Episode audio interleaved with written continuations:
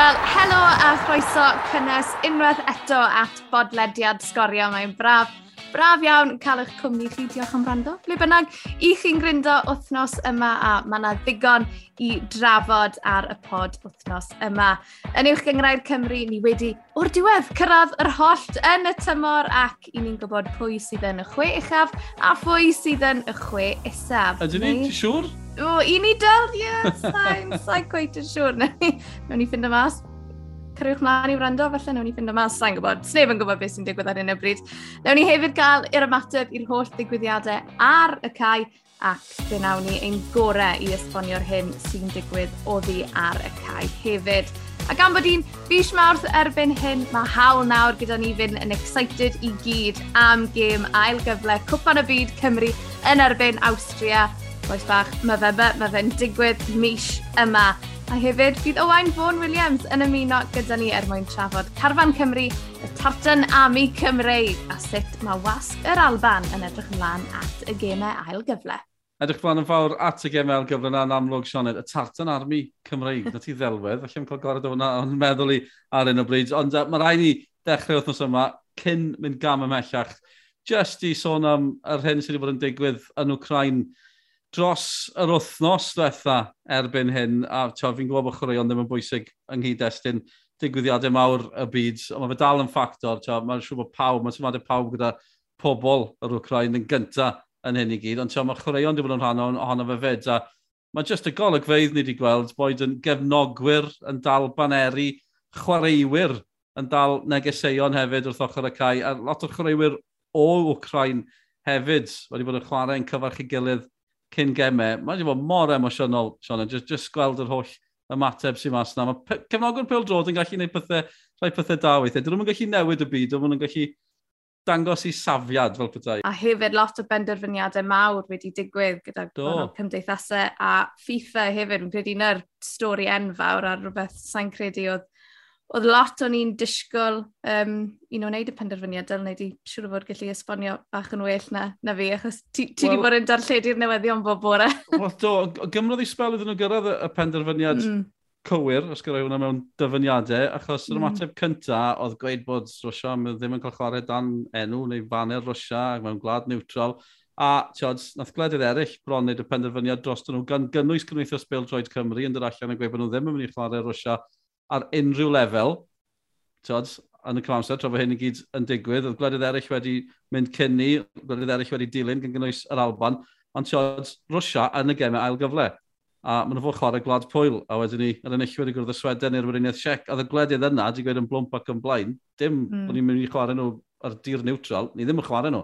Felly, tyd, oedd rhaid i FIFA wneud penderfyniad, maen nhw wedi gwneud y penderfyniad yna, Um, gwell hwyr na hwyrach, yn credu, wedyn ni am hynny, a gadael ni fyna. Be sy'n diddorol, am hynny diddorol yw'r gair, ond be sy'n codi cwestiynau nawr yw, sut mae hyn i gyd yn mynd i ddigwydd. O Crain yn chwarae'r Alban, ni gyd yn gwybod pwy sy'n chwarae eillwyr honna, Cymru neu Austria, Sut mae Ukraine yn paratoi? Ond o'n i'n sylwi gymryd o chwaraewyr Ukraine sydd dal yn chwarae o fewn Ukraine ac yn Rwysia hefyd. Felly mae lot o chwaraewyr nhw. Sut maen nhw'n paratoi? A tio, fel ni'n gweud, dewch o ddim yn bwysig yng nghyd-destun popeth sy'n digwydd o ran y llwyfan gwleidyddol, ond mae ma llefydd fel Rwysia yn hapus iawn i ddefnyddio chwaraeon i roi statws iddyn nhw. Ni wedi cael cwpan y byd yn mynd i Rwysia, ddod lywydd Putin yn amlwg iawn yn ystod y cyfnod yna. Pwy awyr felly bod colli digwyddiadau mor chwaraeon yn rhoi bach o bwysau. Mae yna sancsiynau economaidd, a mae jyst colli pethau fel colli statws. Mae yna bobl cyfoethog hmm. iawn mm. yn Rwysia, bydd ddim yn hapus gyda hyn, nath e ddigwydd yn y cyfnod apartheid yn ei Africa hefyd, tiad, cael ei gwahardd o'r, or meisydd chwarae, fwy na lai. Dwi'n e mynd i newid pethau, ond falle wnaeth e gael effaith bach, a tiad, na'r gobeith yn hyn i gyd am hynny. Ac hefyd fod unrhyw bwysau sy'n gallu cael ei roi ar Putin yn, wel, ni'n gobeithio yn mynd i allu wneud gwahaniaeth a ni'n gobeithio ni'n mynd i allu weld y sefyllfa mas yn Ukraine yn gwella cyn bo hir.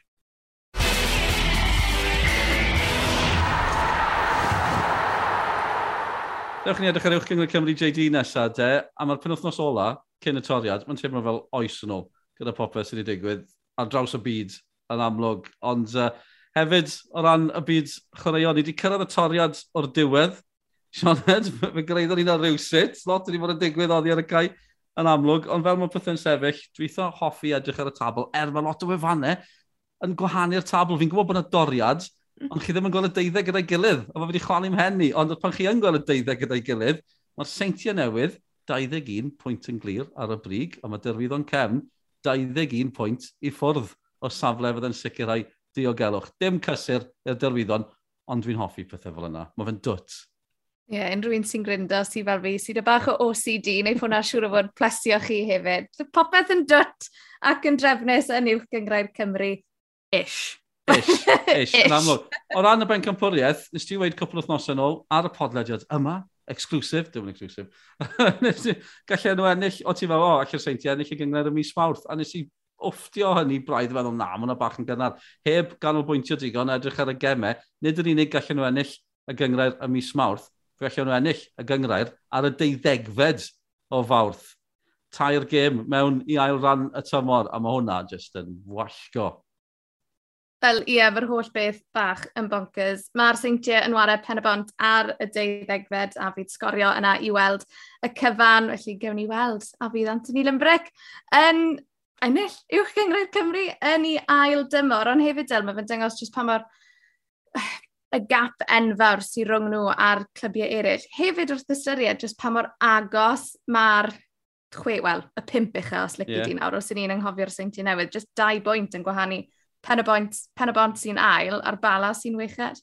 Ie, yeah, mae, mae mor agos, tiod, a ddyn ategu ni dros y penwthnos. Oedd cwpl o bethau diddorol dros y penwthnos, o'n i'n gweld ambell i enw, falle ambell i glwb yn hanner gweilod yn creu argraff, achos tiod, nath holffordd ennill o'r diwedd, fi'n gwybod yn chwarae derwyddon, ond eto, pan chi'n edrych ar pimp y penwthnos, mae Jack Wilson a o Holford, Mike Hayes yn cael dwy i Gynarfon, yn y bari. Chwarae teg i Mike Hayes, mae'n allai o'r pwynt yna fod yn holl bwysig i Gynarfon hefyd. Aberystwyth yn cipio pwynt yn erbyn y bala. Fi'n gwneud cael yn bwyntio fe mor agos i fi ar y brig. A ti'n sydyn ti'n gweld y clybiau yma lawr yn y gwylod. Achos os ni'n anghofio am y seinti ar y brig, chi'n gwneud yr un peth yn y gwylod mwy na lai, ni chi anghofio am y dyrwyddon, a mae'r scrap yna i osgoi disgyn, mae'n mynd i fod yn wallgo rhwng nawr a diwedd y tymor. Fi'n edrych mlaen mewn ffordd, ond sy'n credu bod y clybiau sydd yn ei chanol i, Hwlffordd, Aberystwyth, Barry Met, o'n nhw mor ddan efo'n y seintiau. A hefyd o ran Holford, o dan o reolwr newydd wrth ochr y cae. Dyma e ddim yn reolwr newydd, ni wedi bod yn sôn am Nicky Hayen ers spel, ond dyma'r gêm gyntaf le oedd e'n ngofal y tîm. Dewch i ni glywed wrtho fe. I have to uh, to give all the credits also to the coaching staff because um, I, I wasn't able to uh, to manage or to, to coach or to work. So uh, I had a lot of coffees with the with the coaching staff and uh, and tell them uh, my ideas and uh, that we had to to try um, to execute this as, as, as soon as possible. And um, I think if you saw the games with with the coaching staff who, who managed the games, that we played really well, that we conceded, that we created a lot of chances, and that we deserved even even more points at the moment. But like today, we were not efficient enough. And this is something that we can improve uh, when you have a lot of chances that you have to score more because otherwise you play a draw or you lose uh, games that you maybe don't deserve to lose. Um, no, but it's a it's a good result, and um, like I said, um, I'm I'm happy with the result, but uh, I'm looking forward and uh, yeah, up to the next game. Uh, fi eisiau clywed cwpl o gyfweliadau o'r penwthnos, achos uh, o'n i yn y gêm ar y dre newydd, ar Barc Sean Sioned. Um, ti'n otholi uh, Chris Hughes ar ôl y gym. O'n i yn edrych draw i weld pa hwyliad yno. Fe gollio nhw yn erbyn Cey Corna, ond penderfyniadau dyfarnwr ddim di mynd o'i plaid nhw i ddweud y lleia cic o'r smotyn gath i roi y penderfyniad mwyaf dadleol. Na ddigon wrth ddweud, ewch i ni glywed beth o da Chris Hughes i weid. He's had a bad day. Listen, we all have it. It happens. He's had a bad day. He knows that himself. You know, he knows it. He's had a, a poor afternoon. It's not a penalty. The ball deviates out to the side. It's a fantastic tackle by Jake Walker. Aaron Edwards gets up, says it's not a foul. Everyone says it's not a foul. The fourth official knows it's not a foul. You know it's not a foul, and he gives it. Look, I don't. It's a difficult one. I, I think they need some help. The referees. I think is it. You know, we're probably one of the only national leagues in Europe not to have VAR. I think. You know, is it something we need to look at as a league, as an association? Because that would be a simple process. Because VAR would clear that up. Um, it's not a penalty. We then don't go one 0 down. we probably then don't get a man sent off because the game wouldn't uh, follow in that manner. Um, and then to compound it, we should have had a penalty in the second half with a handball.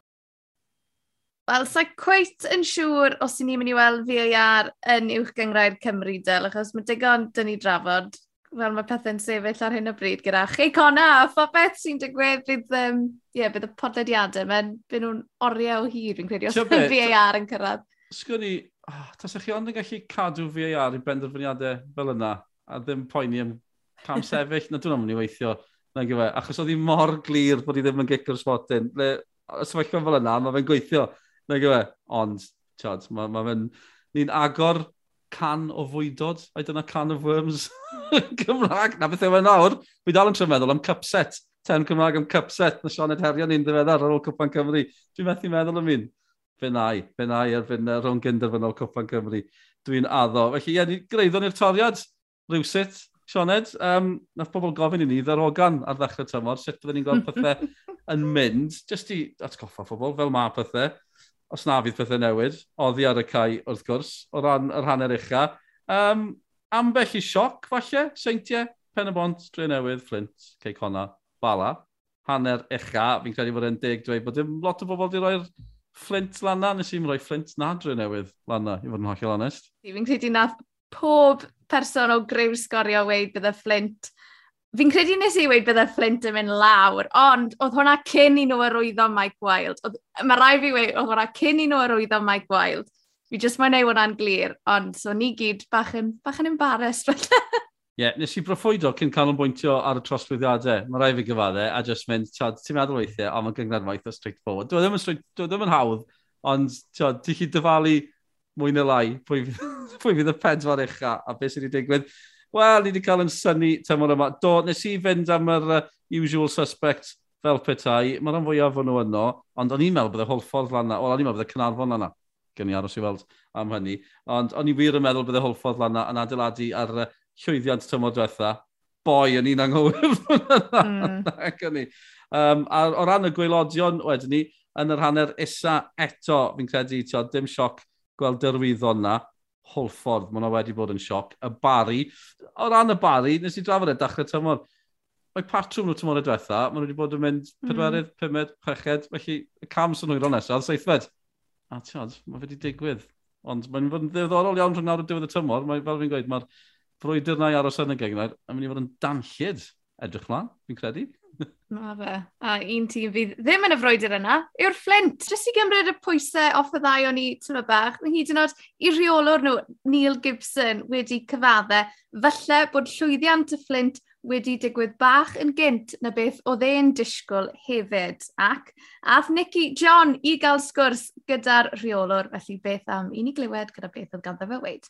There's been a lot of hard work to get us to the position we're at. We know that we haven't got the biggest resources in the league and we know that we're probably punching above our weight really in terms of that. Why be in the Welsh Premier League if you're just going to make up the numbers and just try and survive each season? We had aspirations that we wanted to try and become a top six team and we want to try and get into Europe with Flint and we've probably done it slightly earlier than most people would imagine in terms of where we are currently but we've achieved nothing really other than a top six finish so far. Has there been a need to change the mindset perhaps? Yeah, uh, you know, look, I don't, I don't think that I'm speaking out of turn here when I say that for the football club uh, it's been a bit of a, a shock to the system of what's expected and what's needed to compete at the Welsh Premier League level. I think the league is now going from strength to strength you know, all the coaches are, are pro licensed coaches and management, all the players now, the amount of ex-league players and international players that are playing in the league proves that the standards are raising.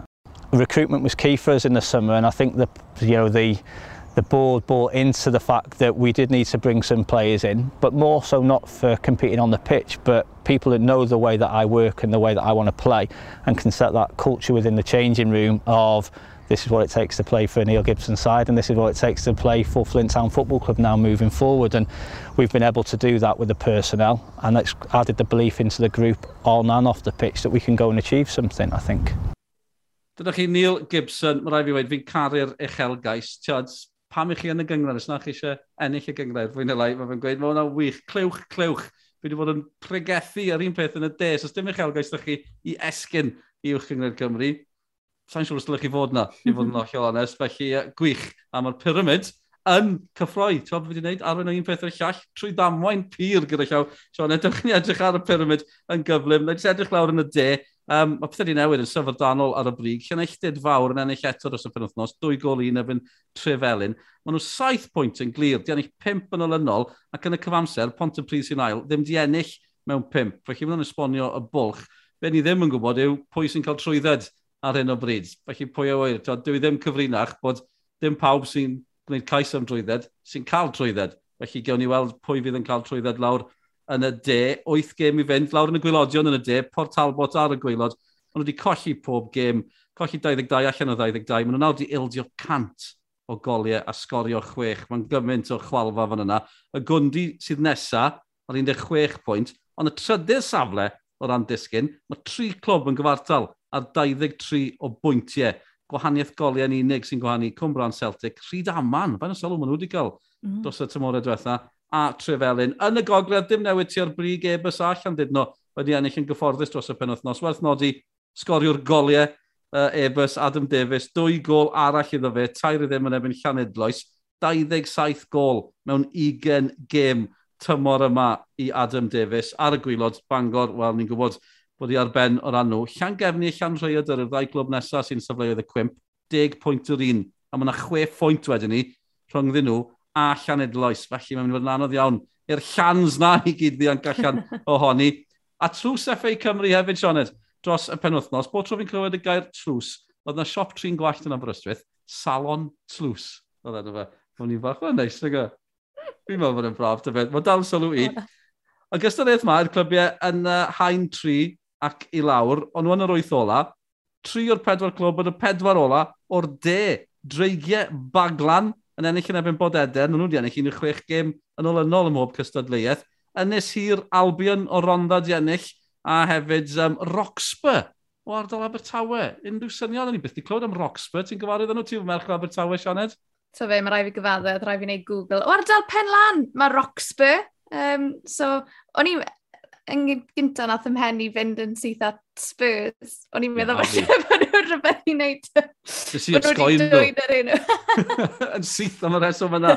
Y wyddgrig, Mold Alex, yr unig glwb o'r gogledd sy'n drwodd. Felly mae'r enw allan o'r het hefyd. Mae Baglan yn cwrdd â Ynys Sir a Roxburgh yn cwrdd ar wyddgrig. Dim yn Abertawe, ar gai neutral, ar y pedwerydd ar bymtheg o fawrth fydd y gefn yna. Wel, mae'n amser nawr ar gyfer her y 90 a fel wnaethon ni sôn ar ddechrau'r benod, mae'r gêm yn erbyn Austria yn digwydd mis yma, felly fi'n teimlo fel bod hi'n gyfnod bwysig iawn i fod yn cadw llyged barcud ar sut mae chwaraewyr Cymru yn neud gyda'i clybiau nhw. A nawn ni ddechrau gyda Leeds United, achos mae rheolwr newydd i Dan James a Tyler Roberts, ond yn anffodus Prynhawn yw anghofio iddyn nhw yn Elan Road dros y Sil, ond Ben Davies dyl unwaith eto yn syrenu i Tottenham. Mae fe mor gyson, na'n gwybod. Diolch byth amdano fe i Gymru, dim ond am Tottenham, na ddim gweud gormod am hynny. Ie, yeah, Leeds matching on together, ond ffarwelio maen nhw gyda Bielsa, felly newid fan yna. Ni'n mynd i glod yn hwyrach gan Dan James, achos mae sgorio wedi bod i fyny i Ellen Road, ond fan hyn, eisiau clywed gan Tyler Roberts, sy'n edrych ymlaen at y gemau yna, yn y gemau ail gyfle, gobeithio, gemau llwyddiannus o ran Cymru. Ac wrth gwrs, mae yna gwestiwn, pwy sy'n arwen yr ymosod? Wel, yn ôl Tyler Roberts, fe yw'r dîm i gael y Cris Rhif naw na. Well, um, number nine is my preferred position um, personally. Um, obviously, as a footballer and as a teammate and a friend, you never want anybody to get injured or, or anything, but these things happen in football and someone else is going to get their chance because of, because of that. So um, if it's me, I know I'll do everything that I can to, to help us get the win and if it's not, then whoever it is, is has got the same opportunity. So yeah, these things happen in football, but um, is a big lass. He brings a lot to the team and he's a, a different, different kind of threat which is very difficult to deal with. Braf clywed gan Tyler Roberts, uh, hyderus, eisiau hawlio'r Cris Rhif Nawna i Gymru. Mae fe'n credu mae fe yw'r ateb. Dwi'n siŵr beth yw'r cwestiwn os mae Tyler Roberts yw'r ateb ar gyfer y safle yna. Mae'n rhaid cyfadde. Be sy'n ddifur, Sioned, yn ôl Bielsa, Dan James yw'r boi i chwarae fel ymwysodwr. Felly hwnna fod yn datblygiad mwy diddorol. Gawn ni weld be fydd Robert Page yn meddwl. Ond uh, beth arall sydd wedi dal dy sylw di o ran y Cymru? Na beth, un peth sydd wedi dal yn sylw i yw bod cefnogwyr Burnley yn caru Conor Roberts ar hyn o bryd. Pob tro mae Burnley mare, fi'n mynd ar Twitter a na gyd i fi'n gweld yw fans Burnley yn refo amdano fe. Mae fe'n chwarae'n reoledd i Burnley nawr, diolch byth, achos fi'n cofio athau trwy gyfnod o fod yn sal iawn, e, oedd e yn yr ysbyty, oedd e'n ware i dîm dan 23 Burnley.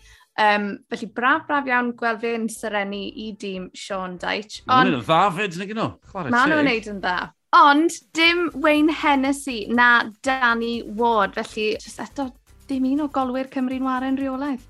Be sy'n ddefyr am y golgeidfa yw mae Danny Ward sy'n cael ei ddewis, pwy sy'n chwarae neu pwy sy'n ddim yn chwarae rhwngddo fe a Wayne Hennessy, gan i weld be fydd y penderfyniad fan yna, fi hefyd, ti'n edrych ar ramddiffyn, mae hwnna'n ddiddorol, gymaint o chwaraewyr ddim yn chwarae, Joe Rodon yn wedig, ti'n mae Ben Cabango wedi bod yn gwneud yn wych yn ddiweddar, a Deryn Bach ti'n gweithio fi, oedd e'n chwarae yn ebyn Middlesbrough, felly Alan Nil yn gweld hyn, ie, yeah, pwy o wyr gyda Cabango yn disgleirio i Abertawe, falle bydd Deryn Bach arall yn siarad â Robert Page, falle pwy o wyr, Gawn ni weld, mae'n anodd newid y, y tîm ar gyfer gemau ar gyfer, wrth gwrs, beth sydd yn bwysig i ni, Mr Gareth Bale, bod e yn cael cyfle i chwarae, um, ddim wedi bod yn chwarae, ddim yn dod ar y fainc yn erbyn rai o fai y cano, ond Ethan Ampadw yn chwarae i Venetia yn Serie A.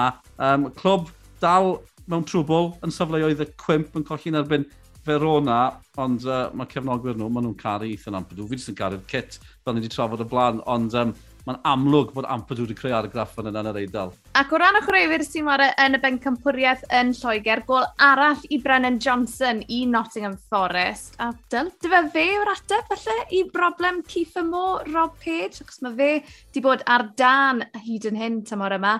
Nico Williams a Harry Wilson yn chwarae'n rheoledd i dîm llwyddiannus Fulham, Fulham 9 pwynt ar y brig, ar brig y ben campwriaeth ar hyn o bryd. A Ryan Hedges, nath e ddod mlaen fel eilydd i Blackburn wrth iddyn nhw drych i QPA ac ail danio i ras am y ben campwriaeth. Hedges wedi ymuno a Rovers o Aberdeen ar ddiwrnod olaf y ffenestr dros glwyddo. Oedd da fi soft spot am Aberdeen achos nath Charlie Nicholas gadael Arsenal a mynd i Aberdeen a JVC yn noddi Arsenal a Aberdeen Tiod, oh. mae hwnna'n rhyw... O'n i'n sôn bod fi'n hoffi symmetry o ran tafel uwch yn y Cymru JD. Mae'r hoff chwaraewr chi yn gadael eich clwb a mae'n mynd i glwb arach sy'n gyda cysylltiad. Pethau bach sy'n cadw fi'n hapus, neu oedd yn ah. cadw fi'n hapus. Ta beth, mae chi ddim angen esgus yna i, i drafod Aberdeen Sioned, ond mae esgus gyda ni. Mae gymaint o Gymru lan yn yr Alban yn erbyn hyn, gan gynnwys fy hoff bonc arall i yn y byd, ar yn Ramsey. Ond i'n meddwl, ni angen gohebydd yn yr Alban. Dim gwaith gohebydd gyda ni, ond mae da ni ŵr yn y man a'r lle, a mae man yn y north fel petai, cyn golwr Cymru, golwr Dunfermline Athletic, Owain Fawn Williams, ac a Sioned Ayer dyma.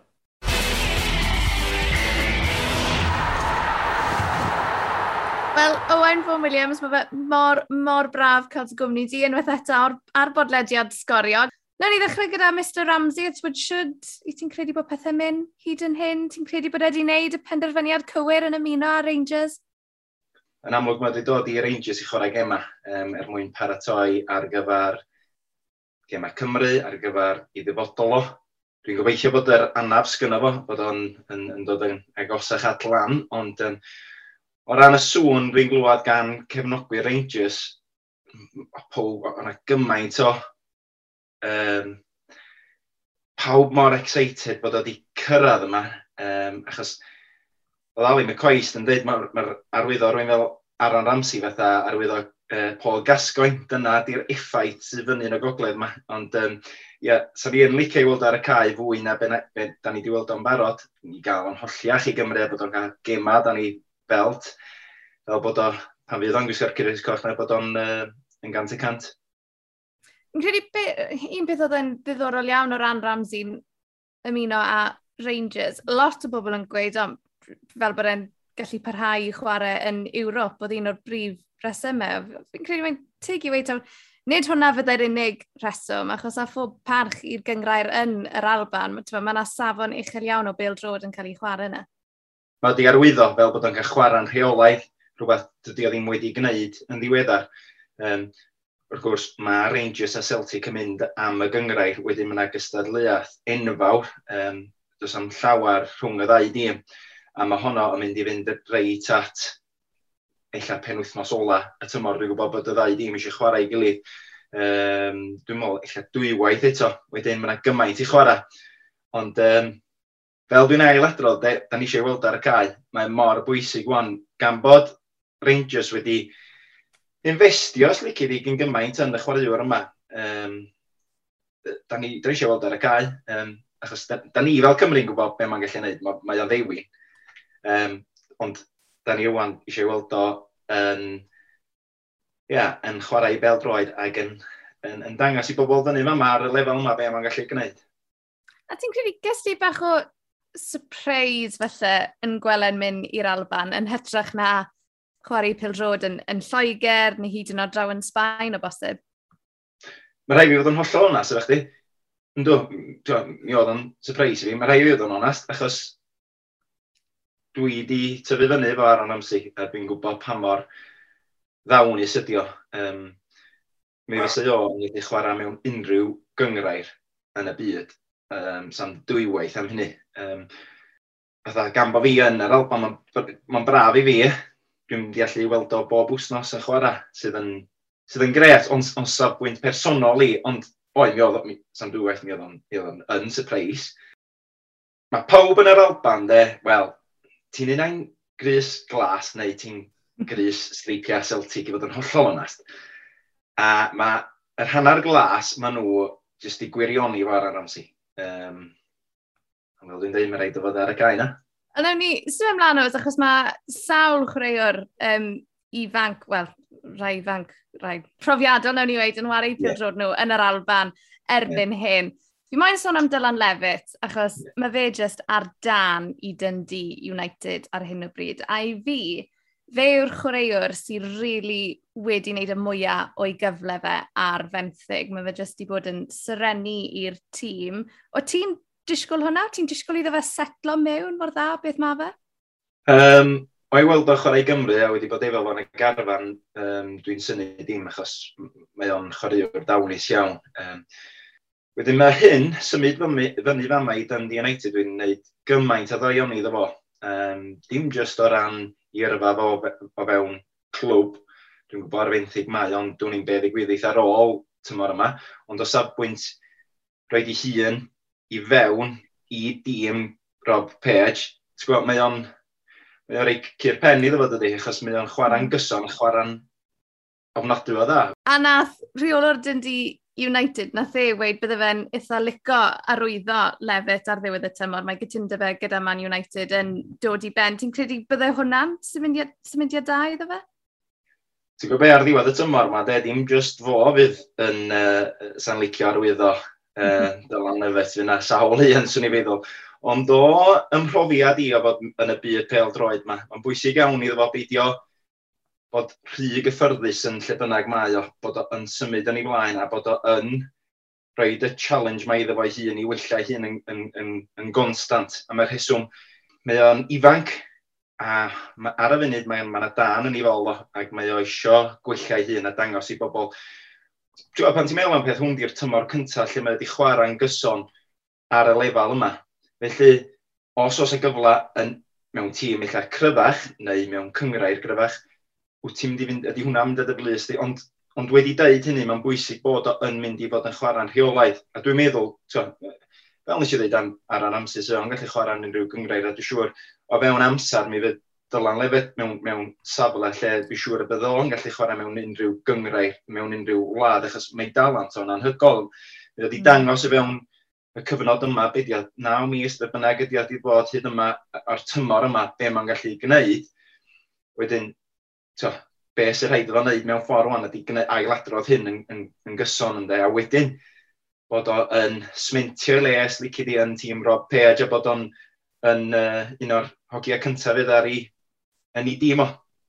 Ie, yeah, fi'n cytuno dy ti. Mae fe'n bach o ben os di Page fi'n credu o ran os yw e'n neud yr un ar ddeg yna. A oh, ni ffili cael ti mlaen, mae heb sôn am yr un yr hen enw Christian Doid, achos mae un enw arall sydd fi'n teimlo fel bod ni'n gweithio'n trwy'r amser, ond rhywun arall sydd wedi bod ar wefusau cefnogwyr Cymru. Ti'n credu bod e'n cael bach o gam o bido bod yn cael i ddewis yn enwedig bod, y sefyllfa gyda Cif y Moen, ni'n mynd i fod heb fe, Stym lot o opsiynau gyda ni o ran yr ymosod. Ti'n credu falle o'r, or diwedd taw, taw hwn yw i gyfle fe neu o diwen rhy hwyr? Um, dwi'n teimlo, tymor dweitha, neu tymor cynt, mi oedd ar dan yn dod, mi oedd o'n sgorio drwy'r amser, oedd o'n ar dop i gêm. Mi wedi cychydig o anafiadau, neu Covid, neu be bynnag sydd wedi digwydd tymor yma, lle dydy o ddim wedi bod yn y tîm mor aml. Um, ond fel ti wedi dweud, e, be mae Christian Doige yn rhoi i rwy'n ydy, mae, on, mae gynnu fo breson, bresonoldaf yn ei cael yma yna, sydd hmm. yn gallu cynnig rhywbeth hollol wahanol, fel ti wedi sôn efo Ciffer Mŵr hogyn tal sy'n gallu dal y bel i fyny. Mae Christian Doig, oce, okay, ddim mor dal, diolch yn gawr fatha Ciffer Môr, os lici ddim i o'n gystal â cael dau ddyn fyny yna, dydy. Ond um, o ran Christian Doig, mae o yn mae o'n, on hogyn gofowr sydd yn gallu rhaid i hun o gwmpas, mae'n gallu cynnig i hun, ond i fod yn hollol onast i chdi, a mae rai fi fod yn onast, os fysa o yn mynd i gael ei gyfle efo Cymru, mi fysa fo wedi gael o cyn rwan. Um, dyna sut dwi'n teimlo, achos mi oedd o, fel dwi'n sôn, mi oedd ar dan, um, fi, dau dymor yn ôl, felly, um, mi oedd ar dan, illa tymor dwytha oedd hi hefyd, ond fel dwi'n dweud, os fysa, fo, os fysa Cymru yn ei ystyried o gael iawn, mi fysa nhw wedi gwneud, dwi'n teimlo cyn, cyn heddiw, de. Mm, da, fi'n cytuno cant o cant y ti fyna. A nath, um, Dylan Ebs neu joc taw ti yw ein gohebydd ni lan yn yr Alban ar hyn o bryd gyda'r gyda gemau a'r gyfle yma rownd y gornel. Yn edrych flaen at y gemau sydd i ddod, bod beth mae'r wasg yn yr Alban yn i wneud o'r gemau os, o sôn am Gymru o gwbl, achos fi'n personol, fi'n teimlo fel bod ambell i berson fan hyn yn cymryd yn ganiataol bod Cymru a'r Alban yn bendant yn mynd i fod yn wario gilydd yn y ffeinal. Ie, yeah, wel, mi o'na i ddechrau fwy. Um, mi o'na lot fawr o sôn a hwyl am y peth Cymru yn erbyn yr Alban. Mae Lot fawr o bethau fel da ni gyd yn gwybod, fyddwn ni'n cuddiad o'r peth, yna gymaint o bethau'n digwydd yn y byd rwan sydd yn mynd i newid lot o bethau. Um, mm. Da ni dal ddim cweit yn gwybod be sy'n mynd i ddigwydd efo'r gêm cyntaf yma i'r Alban. Achos mae'r Alban i fod i chwarae Ukraine, so mae yna lot fawr o bethau all ddigwydd cyn i ni ystyried y gem honno lle de, o mm. Cymru mm. erbyn yr Alban. A Owain, twyd o ran, twyd ni wedi sôn am pentos page, stym, dal stym lot o'r chwaraewyr yn chwarae'n rheolaidd i'w clybiau nhw ar hyn o bryd. Mae'r sefyllfa, mae rhaid i wedi lot yn well na beth oedd e rhyw flwyddyn yn ôl.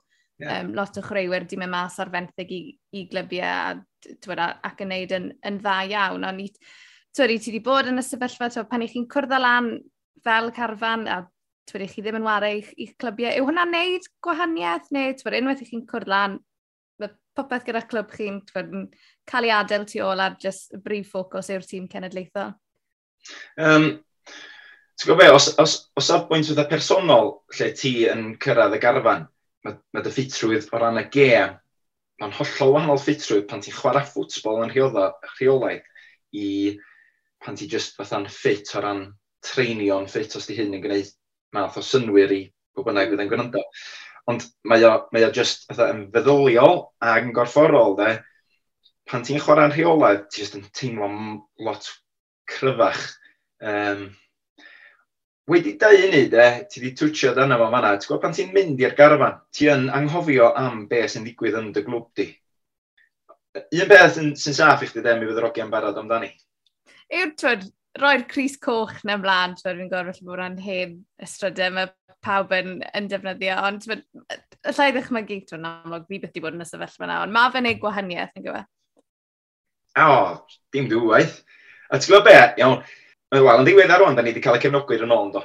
Ond cyn hyn, da ni wedi gweld yr er anthem eich cael ei chanu a fawr o neb yna, sydd, ti'n gwybod, oce, okay, mae bob tro fel dyn dweud, dim gwaniaeth pryd ti'n roed y Cris Coch yna, ti'n cael yr anthem, ond beth sy'n neud bob dim lot, lot, yn dod â bob dim at ei gilydd, cloi bob dim at ei gilydd, sydd yn mynd â chdi i'r lle yma, sydd yn, dwi'n bod, mae o'n rhywbeth anhygol, um, lle mae'r cefnogwyr i gyd yn canu'r anthem, de, a ti yn fan a'n gwisgo'r Cris Coch, de, ti'n goni, os ti'n chwarae, os ti yn y stadiwm, os ti yn sylwebu ar y te teulu neu ar y radio neu be bynnag wyt ti'n gwneud, ond pan ti yn fanna, yn, yn, yn, yn yr y foment yna, de, mae o'n rhywbeth anhygol iawn. So, pan mae'r hogiau'n cael hwnna, de, mae o'n gymaint o hwb iddyn nhw.